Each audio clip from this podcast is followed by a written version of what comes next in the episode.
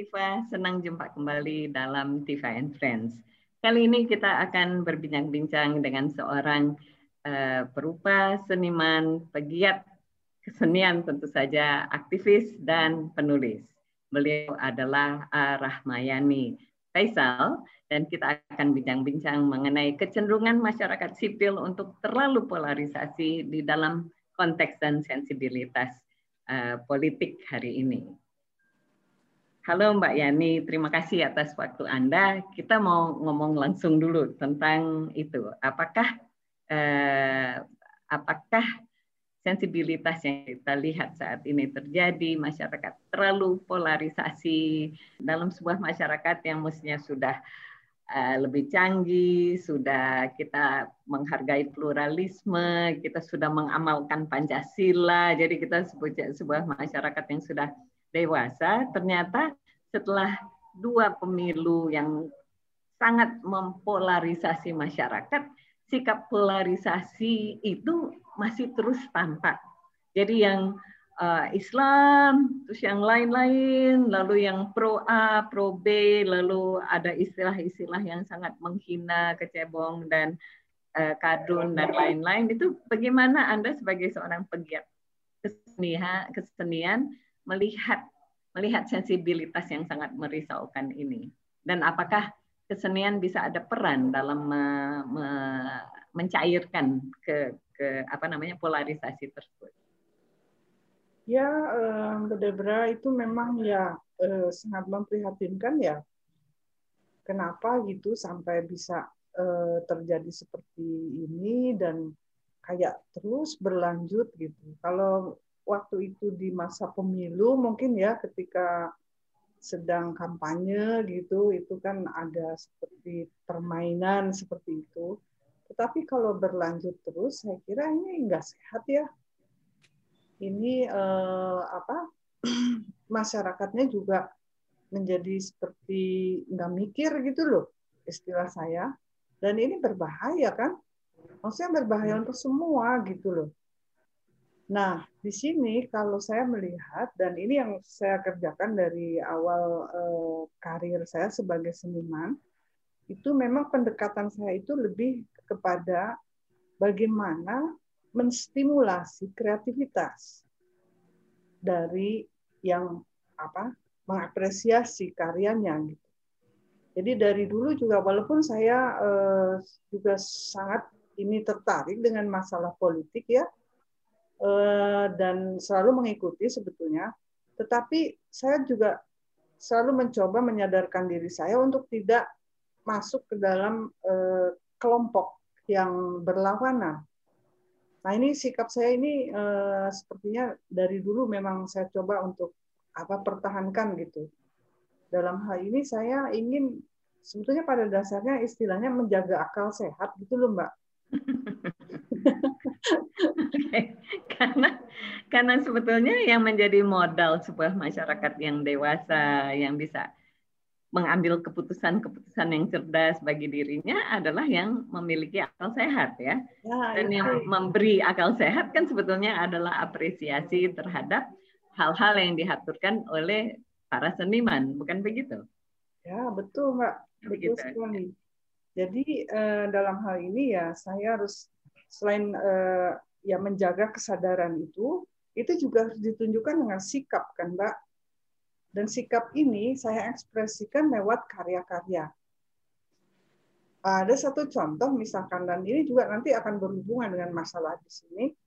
Waktu uh, sesudah pemboman World Trade Center misalkan, kan terjadi itu juga kayak uh, apa pemisahan ya antara orang kelompok Muslim dan kelompok sebutlah Barat gitu. Nah, pada saya kan eh, kerjanya mundar mandir di situ ya. Nah, itu saya juga di sana menegaskan posisi saya, saya tidak ikut ini, saya tidak ikut itu, walaupun akhirnya dicurigai oleh kedua belah pihak gitu loh. Hmm. Ya, tapi eh, ya beruntung saya punya media dan juga memiliki ya media seni maksud saya dan juga memiliki pendukung-pendukung. Jadi mereka bisa menjelaskan. Nah, di sini saya sebetulnya memang sangat uh, membutuhkan eh, teman-teman entah itu eh, apa kritikus seni ataupun jurnalis gitu kan untuk ikut membantu menjelaskan ide-ide yang ingin saya ungkapkan itu. Hmm. Walaupun saya seorang penulis sendiri, tapi kan tentu saja kegiatan saya macam-macam, nggak selalu bisa menjelaskan dengan cara literer seperti itu, gitu kan? Nah, itu saya sangat berterima kasih kepada teman-teman yang telah ikut membantu menjelaskan ide-ide saya, baik di Indonesia maupun di luar Indonesia.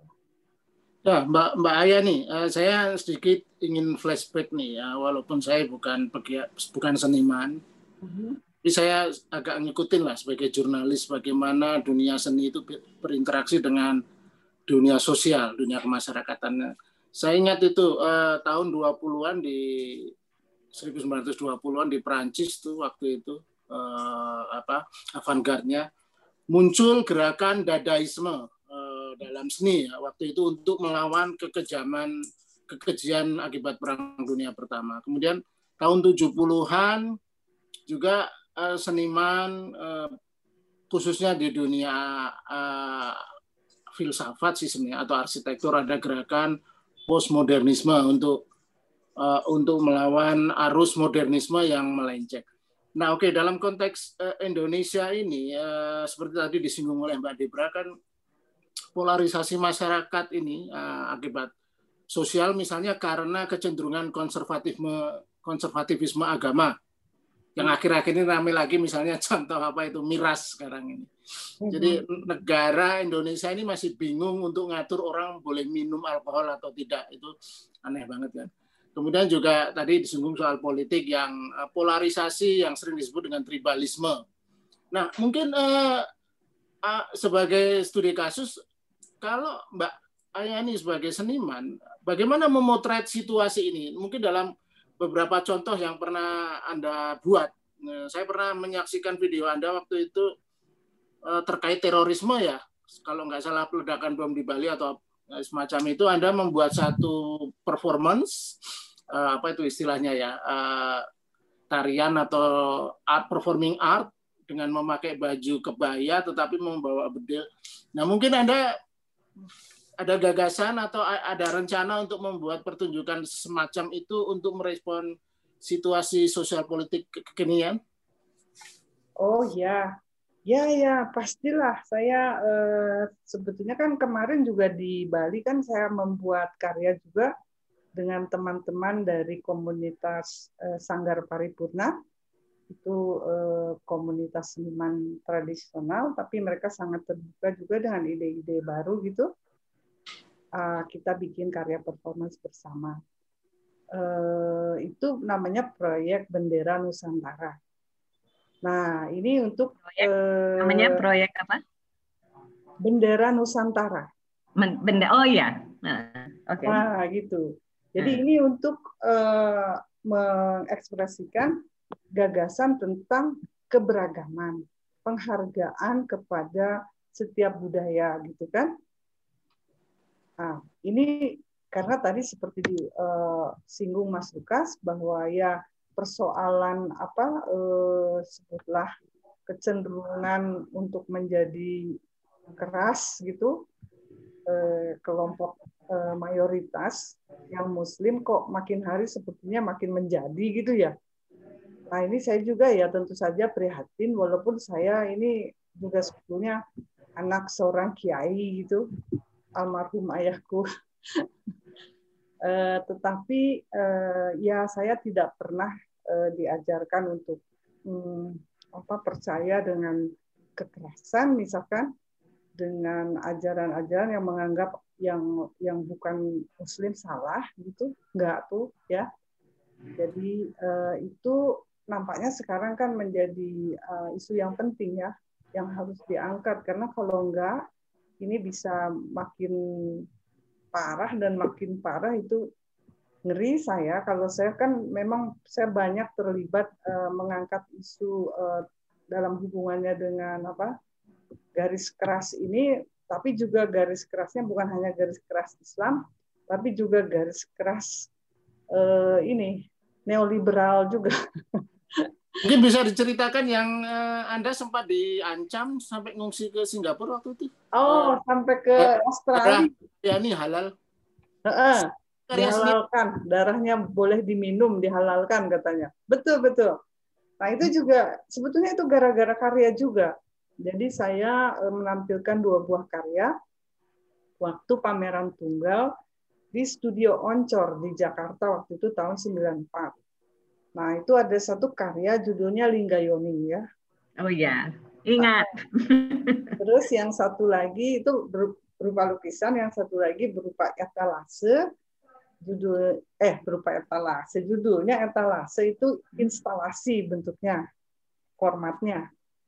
Nah, sebetulnya saya ingin mengangkat di sana juga isu misalkan dengan Linggayoni itu tentang eh, keberagaman juga dengan menggali akar budaya Nusantara ini gitu. Yang saya memang pelajari lama dari awal tahun 80-an saya sudah mempelajari apa ini akar budaya nenek moyangku ini gitu. Hmm. Ya karena eh, ya menariklah untuk saya itu kan ternyata misalnya dan ini bisa disaksikan eh, peninggalannya misalkan seperti di Candi Borobudur dan candi-candi lainnya. Itu waktu itu terutama ya periode itu kan eh, menariknya tuh sangat pluralistik. Jadi karakter budayanya menjadi sinkretis ya karena semua dirangkul gitu semua diterima eh, jadi ini sangat manusiawi dan sangat adil ya Nah ini pencapaian luar biasa yang saya kira eh, sekarang orang Indonesia kayak banyak yang lupa. Padahal ini penting untuk dipahami gitu akar budaya ini. Nah itu saya angkat dalam karya Linggayoni, tapi ya terus malah disalahpahami hanya karena saya menggunakan simbol Linggayoni itu. Ya kalau zaman dulu digambarkan dengan uh, falus dan vagina gitu loh karena itu juga ada makna di sana yang ingin disampaikan bukan hanya mau seperti provokatif gitu enggak hmm. nah, terus sudah gitu saya menuliskan Arab gundul Arab pegon atau Jawi namanya gitu kan sebagai contoh bagaimana ketika Islam dia terima di sini itu terus enggak niru jadi kayak budaya Arab gitu tapi hmm. diadaptasikan dengan budaya sebelumnya yang di sini yang sebelah yang tadi yang saya katakan sinkretis, animisme, Hinduisme, Buddhisme itu semuanya dirangkul. Lalu ketika Islam masuk pun ya oke okay, boleh gitu, tapi ini dipertemukan gitu kan. Nah untuk saya ini luar biasa gitu kan. Pertama ya karena ini istilahnya berkembang peradaban itu di sini dan itu pencapaian yang luhur gitu kan. Tapi juga saya menyadari bahwa di dalam sistem global hari ini di mana semua orang katakanlah dipaksa oleh sistem untuk ketemu ya. Nah, sebetulnya sistem ini atau strategi budaya mungkin Pak boleh pakai istilah itu ya. Ini dibutuhkan hari ini gitu. Supaya orang bisa saling menghargai satu sama lain dan nggak terus curiga, apalagi membenci, lalu nanti dimanipulasi oleh politisi, maaf ya politisi, dan juga perusahaan besar gitu kan. Ya ini kan ada faktanya ya, saya ngomong nggak ngarang. Tapi Mbak, kembali lagi. Jadi tahun 94 darahmu sudah dikatakan halal. Tahun 94 hanya karena menampilkan lingga dan yoni. Itu hari so. ini, hari ini apa yang terjadi? Andaikan seorang Arah Mayani menampilkan sebuah uh, lukisan atau sebuah instalasi yang menampilkan falus dan vagina. Ini lagi halal Anda dibom kali. Ini Mbak, sebetulnya dua tahun yang lalu, ini waktu itu saya agak deg-degan nih. Karya ini kembali ke Indonesia, Mbak karya ini sempat saya jual di Thailand karena waktu oh. itu mau pulang ke sini tahun 98 kan ada itu krisis yeah. keuangan itu kan mm-hmm. aku nggak bisa tahan uh, di Thailand mau pulang itu Thailand itu sesudah Australia nanti yang aku larinya ke Australia tapi nanti akhirnya nyasar ke Thailand Hmm. Nah, terus pulang ke sini kan nggak mau nyusahkan orang, jadi aku jual karyaku di sana. Hmm. Nah, tapi tahun 2018 itu aku diundang pameran tunggal di Museum Macan itu loh di Jakarta. Hmm. Nah, ternyata si Aaron Sito direkturnya dan waktu itu jadi kurator eh, pameranku juga, diam-diam menemukan karya itu dan lalu membawa pulang ke sini dan dikoleksi sama Museum Macan akhirnya. Hmm. Saya aja kaget waktu itu karena dia waktu itu, eh kamu melihat Yoni nggak? Eh, aku bilang, Aaron, don't tease me, it's hurting me gitu kan karena aduh sedih banget gitu. Karyanya hilang gitu kan dijual. Eh ternyata nggak ada. Nah jadi waktu itu kan dipamerkan di pameran tunggalku. Nah aku gede-degan, Aaron, ini mungkin bisa bahaya nggak apa-apa ya nih kita udah siap katanya hmm. karena ada penjaga dan sebagainya tapi ya saya yang deg-degan toh nanti gimana kalau terulang lagi? Benar-benar nanti darahnya diminum ya ampun gitu. Tapi ternyata? kan, saya sempat tuh berapa hari nongkrong melihat reaksi penonton. Jadi hmm. nyamar lah di situ. Saya juga nggak bilang saya senimannya nyamar aja kayak penonton. Terus saya lihat reaksinya. Ternyata ada dua macam. Satu ya orang datang gitu jalan kaki ngelihat karena memang itu dipajang sengaja dari jauh tuh udah kelihatan gitu. Orang datang tuh ada satu modelnya adalah ketika mendekat dia terus langsung gini kayak buang muka gitu. Terus pergi hmm. gitu loh. Nah, itu satu kecenderungannya yang kedua itu eh, tahu-taunya dia dia melihat lama atau kalau ada temennya terus diskusi. Tapi pendek cerita, saya terus lega karena ternyata nggak ada lagi yang menghalalkan darah untuk diminum. Nah, jadi karena ini udah pulang nih Mbak ke sini. Ada sekarang. Nah, terus kemarin kan sekarang gara-gara uh, wabah itu jadi uh, dipamerkannya online kan, koleksinya itu kan di Museum Macan. Terus uh, Aaron bilang lagi nih, ya nih katanya, there's a good news, berita bagus sekali katanya. Kenapa? Itu karya kamu itu paling banyak dilihat orang katanya dibanding karya-karya lain. Dan positif katanya nggak ada yang melihatnya secara negatif gitu. Itu sampai kan bisa didata ya karena online gitu. Kemarin itu sampai 37 ribu orang yang lihat dan bertanya. Ini apa minta penjelasan gitu. Waduh, aku lega juga. Itu, Mbak. Nah, jadi eh, ya kalau yang satu lagi etalase itu masih eh, belum eh, terbuka itu karena ini masih dalam proses penjelasan itu ada diterbitkan di buku eh, seni kontemporer dari Asia Tenggara yang baru yang diterbitkan tahun eh, lalu eh, di Singapura yang ditulis oleh eh, aduh kok aku namanya lupa nanti nanti kalau ini ingat hmm. Mbak, Mbak Ayani, menurut Anda situasi kesenian di Indonesia gimana akhir-akhir ini? Katakan lima tahun atau dua tiga akhir ini. Nah, sebetulnya Masukan Apakah ada harapan signifikan ya uh, di, di kalangan seniman untuk apa yang disebut memberi penyadaran atau pembelajaran pada masyarakat? Gini, sebetulnya ada yang menarik, terutama di kalangan seniman muda ya. Dan itu juga mungkin sebabnya saya lebih banyak bekerjanya dengan yang muda-muda gitu.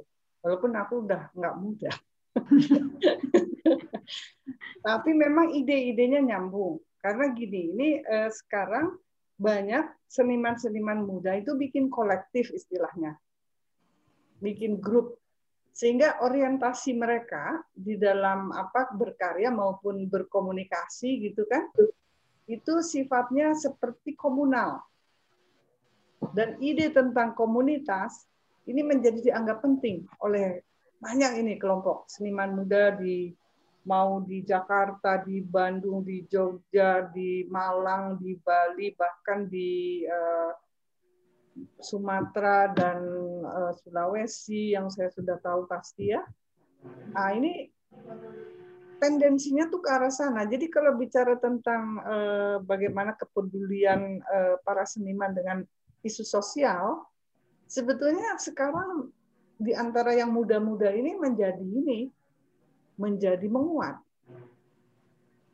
sebetulnya. Dan saya di sini senang sekali gitu maksudnya karena seperti diberi apa eh, harapan gitu loh, bayangan tentang harapan ke depan nggak terlalu mengerikan gitu. Karena kan di sisi lain dengan munculnya gerakan garis keras yang makin mengeras itu, ya sungguh mengkhawatirkan kan. Tapi saya juga ngelihat di kalangan anak muda, oh ini ada juga muncul gitu gagasan-gagasan yang menarik, yang berhubungan dengan pemberdayaan kan eh, komunitas itu juga pemberdayaan sosial toh dan, ada contoh ada contoh karya atau apa pertunjukan seni? Oh ya ya ya. Ya itu kalau yang saya buat sendiri dengan komunitas eh, tadi di Bali, yang terakhir itu di Bali kan dengan komunitas eh, seniman eh, Sanggar Paripurna itu, itu anggotanya lebih dari 600 orang loh. Dan mereka terlibat betul. Uh, dan memahami gitu ide-idenya itu bukan cuma mereka cuma tampil aja gitu kan. Nah, terus di Jogja juga saya bekerja dengan uh, kelompok komunitas seniman namanya Tritura yang asli orang-orang Jogja. Itu uh, 2018 kami bikin uh, proyek dengan anak-anak muda. Saya itu berkolaborasi dengan seorang dalang muda usia 17 tahun namanya Sigit Gemyeng gitu. Nah ini remaja-remaja kami bekerja sama dengan mereka eh, waktu itu jumlahnya anggotanya lebih dari 300 di Jogja itu. Nah ini saya sebetulnya mencoba juga menghubungkan kelompok Jogja dengan kelompok di Bali, gitu kan? Ini untuk mengingatkan teman-teman di di Jawa yang katakanlah mayoritas sudah Muslim gitu tentang sejarah akar budaya nenek moyangnya karena di Bali masih masih ada gitu kan? Eh, apa pengetahuan itu. Lalu juga tapi di sisi lain mengingatkan orang Bali karena orang Bali juga sekarang udah mulai resah gitu aduh ini kita bahaya nih gitu kan? Kita dianggap orang-orang nggak bener gitu kan? Kafir apalah namanya gitu. Nah saya ingin juga dengan komunikasi ini meyakinkan mereka bahwa nggak semua orang Muslim di Jawa tuh kayak gitu gitu loh. Nyatanya saya dengan teman-teman ini mau bekerja sama. Terus ini juga bikin uh, ini loh kegiatan konkret tani organik untuk masalah lingkungan. Oh, jadi komunitas-komunitas seni itu bisa di semacam di dalam tanda kutip mobilisasi untuk isu-isu sosial juga dong ya? Sangat, sangat mungkin. Jadi misalkan ini kan tani organik ini sebetulnya eh, respon untuk sekarang pandemi ini ya kan bagaimana kalau kita eh, mengalami nanti eh, krisis pangan. Kita langsung merespon, ayo coba kita bikin sekarang ini apa strategi untuk supaya kalau memang ini nanti ada masalah kita udah punya solusi alternatifnya gitu loh Hmm. Nah, terus juga dengan dengan apa eh, manajemen sampah, ya kan limbah plastik, lalu recycling. Ini kami kerjakan loh di Jogja dan di Bali terutama. Ada juga sih yang di Jawa Timur eh, itu dengan komunitas eh, Nah ini uh, juga udah lumayan, udah jalan beberapa tahun, walaupun tidak seaktif seperti di Jogja dan di Bali. Mbak Yani, kan kan Anda ngomong sekarang tentang pandemi. Kita lihat bahwa cara masyarakat menikmati eh, pesan-pesan yang disampaikan oleh para seniman sudah berubah. Karena kita tidak boleh berkumpul, tidak boleh berkerumun, kita harus menjaga jarak, pakai masker dan tidak boleh saling bersentuhan. Dan dan pola-pola itu kan ternyata menguntungkan bagi perupa karena kemudian pameran bisa panjang, bisa lebih dari tiga hari, bisa enam minggu, dua bulan. Uh, hadirin tidak usah datang ke Macan dan ke Galeri Cemara, ke apa galeri nasional tapi bisa melihat di layar laptopnya dan komputernya. Uh, ke, apakah menurut Mbak Yani kemudian kesadaran sensibilitas untuk mencairkan polarisasi di dalam masyarakat bisa terlaksana dalam dalam kondisi yang lebih memungkinkan ini. Kan kan kita lihat bahwa sebetulnya tahun 94 darahmu halal mungkin masyarakat masih sangat tertutup pikirannya apakah ada ada ada titik cerah bahwa sekarang kita menjadi masyarakat yang lebih bisa menerima um, pesan-pesan yang berbeda dari yang yang biasanya kita kita telan dan kita kunyah-kunyah itu. Ya Mbak, kalau dari apa ya, ini mungkin ada hubungan juga dengan pengalaman saya Mbak. Sebetulnya kalau saya pikir mungkin kita harus mencari strategi tadi inovatif dan kreatif gitu. Misalkan gini, sebetulnya kan kita nggak mesti langsung harus mengangkat isu yang seakan-akan konfrontatif gitulah. Itu memang satu strategi bisa juga kalau situasi memang eh, apa menuntut ke arah sana. Tetapi kita juga bisa mengembangkan strategi alternatifnya, ya kan?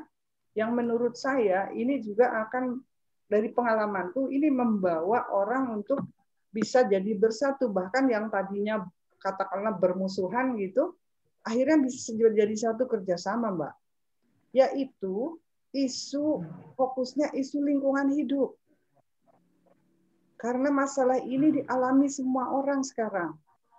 Dan banyak orang merasa terancam, Mbak. Dengan masalah ini, nggak pandang itu agamanya apa, nggak pandang itu budayanya apa. Nyatanya memang banyak orang merasa terancam dengan masalah lingkungan hidup sekarang ini. Ya, Nah ini pengalaman saya di Tibet, kerja di Tibet, itu bisa menjadi contoh karena ya Tibet dan Cina itu kan seperti secara politis, aduh itu lebih serem lagi mbak. Itu sampai banyak biksu-biksu, biksuni-biksuni bakar diri untuk protes gitu. Lebih hmm. dari 150 orang udah sekarang. Nah, tetapi dengan pendekatan yang alternatif dan inovatif ini dan fokus di masalah lingkungan hidup, akhirnya yang terjadi mereka bisa bekerja sama, Mbak gitu. Dan proyek kami misalkan di sana itu eh, tahun kelima itu akhirnya disetujui dan di, didukung, disupport oleh pemerintah Cina. Karena mereka juga sadar, oh iya ya, ini kan untuk kepentingan orang banyak gitu loh. Bukan hanya kelompok tertentu. Pertanyaan terakhir dari saya, kalau pemerintah Cina mensupport senimannya, bagaimana pemerintah Indonesia? Apakah mensupport seniman Indonesia? Aduh, Ini pertanyaan menarik. Nah, Ini waktu waktu billion dollar question dari Mas Lukas. sebetulnya sebelum wabah muncul, ini ada cerita nih. Saya ini mau cerita agak belak-belakan nih. sebelum munculnya wabah, itu sebetulnya ada program ya untuk eh, mendukung para seniman, bahkan seniman-seniman alternatif seperti performer. Performer itu kan sulit itu jualan karyanya ya. Boleh dibilang nggak bisa hidup performer hidup dari dari hasil jualan karya gitu ya. Nah hmm. itu sempat di di ini dikumpulkan, diundang, lalu nanti ada program yang disebut nanti, nah ini yang yang anehnya ini eh, seniman itu nanti harus punya sertifikat. Nah, kayak tanah dong ya? Hah? kayak tanah. Terus ini nanti seniman-seniman yang yang udah jadi ini eh, nanti dipekerjakan sebagai asesor istilahnya kan, yang yang mengetes gitu loh. Ini layak nggak nih dapat sertifikat gitu loh. Seniman A, seniman B itu. Nah, saya satu, satu salah satu orang yang terang-terangan menentang itu. Tidak, saya tidak setuju, gitu kan. Nah, jadi rupanya juga ini ini ini mungkin kecurigaan saya, tapi juga ada bukti-buktinya.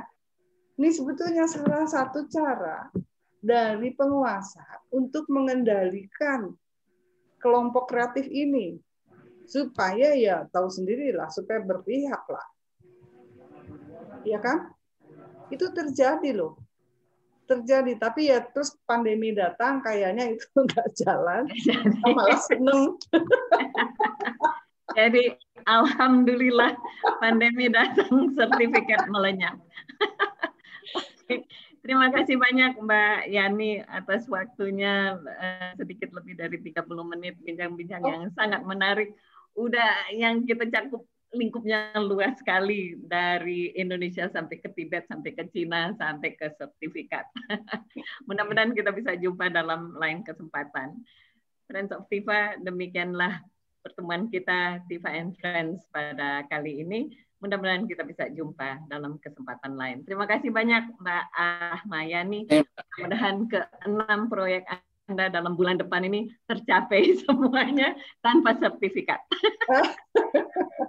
Terima kasih Mbak Debra, terima kasih masukan. Sampai ketemu lagi.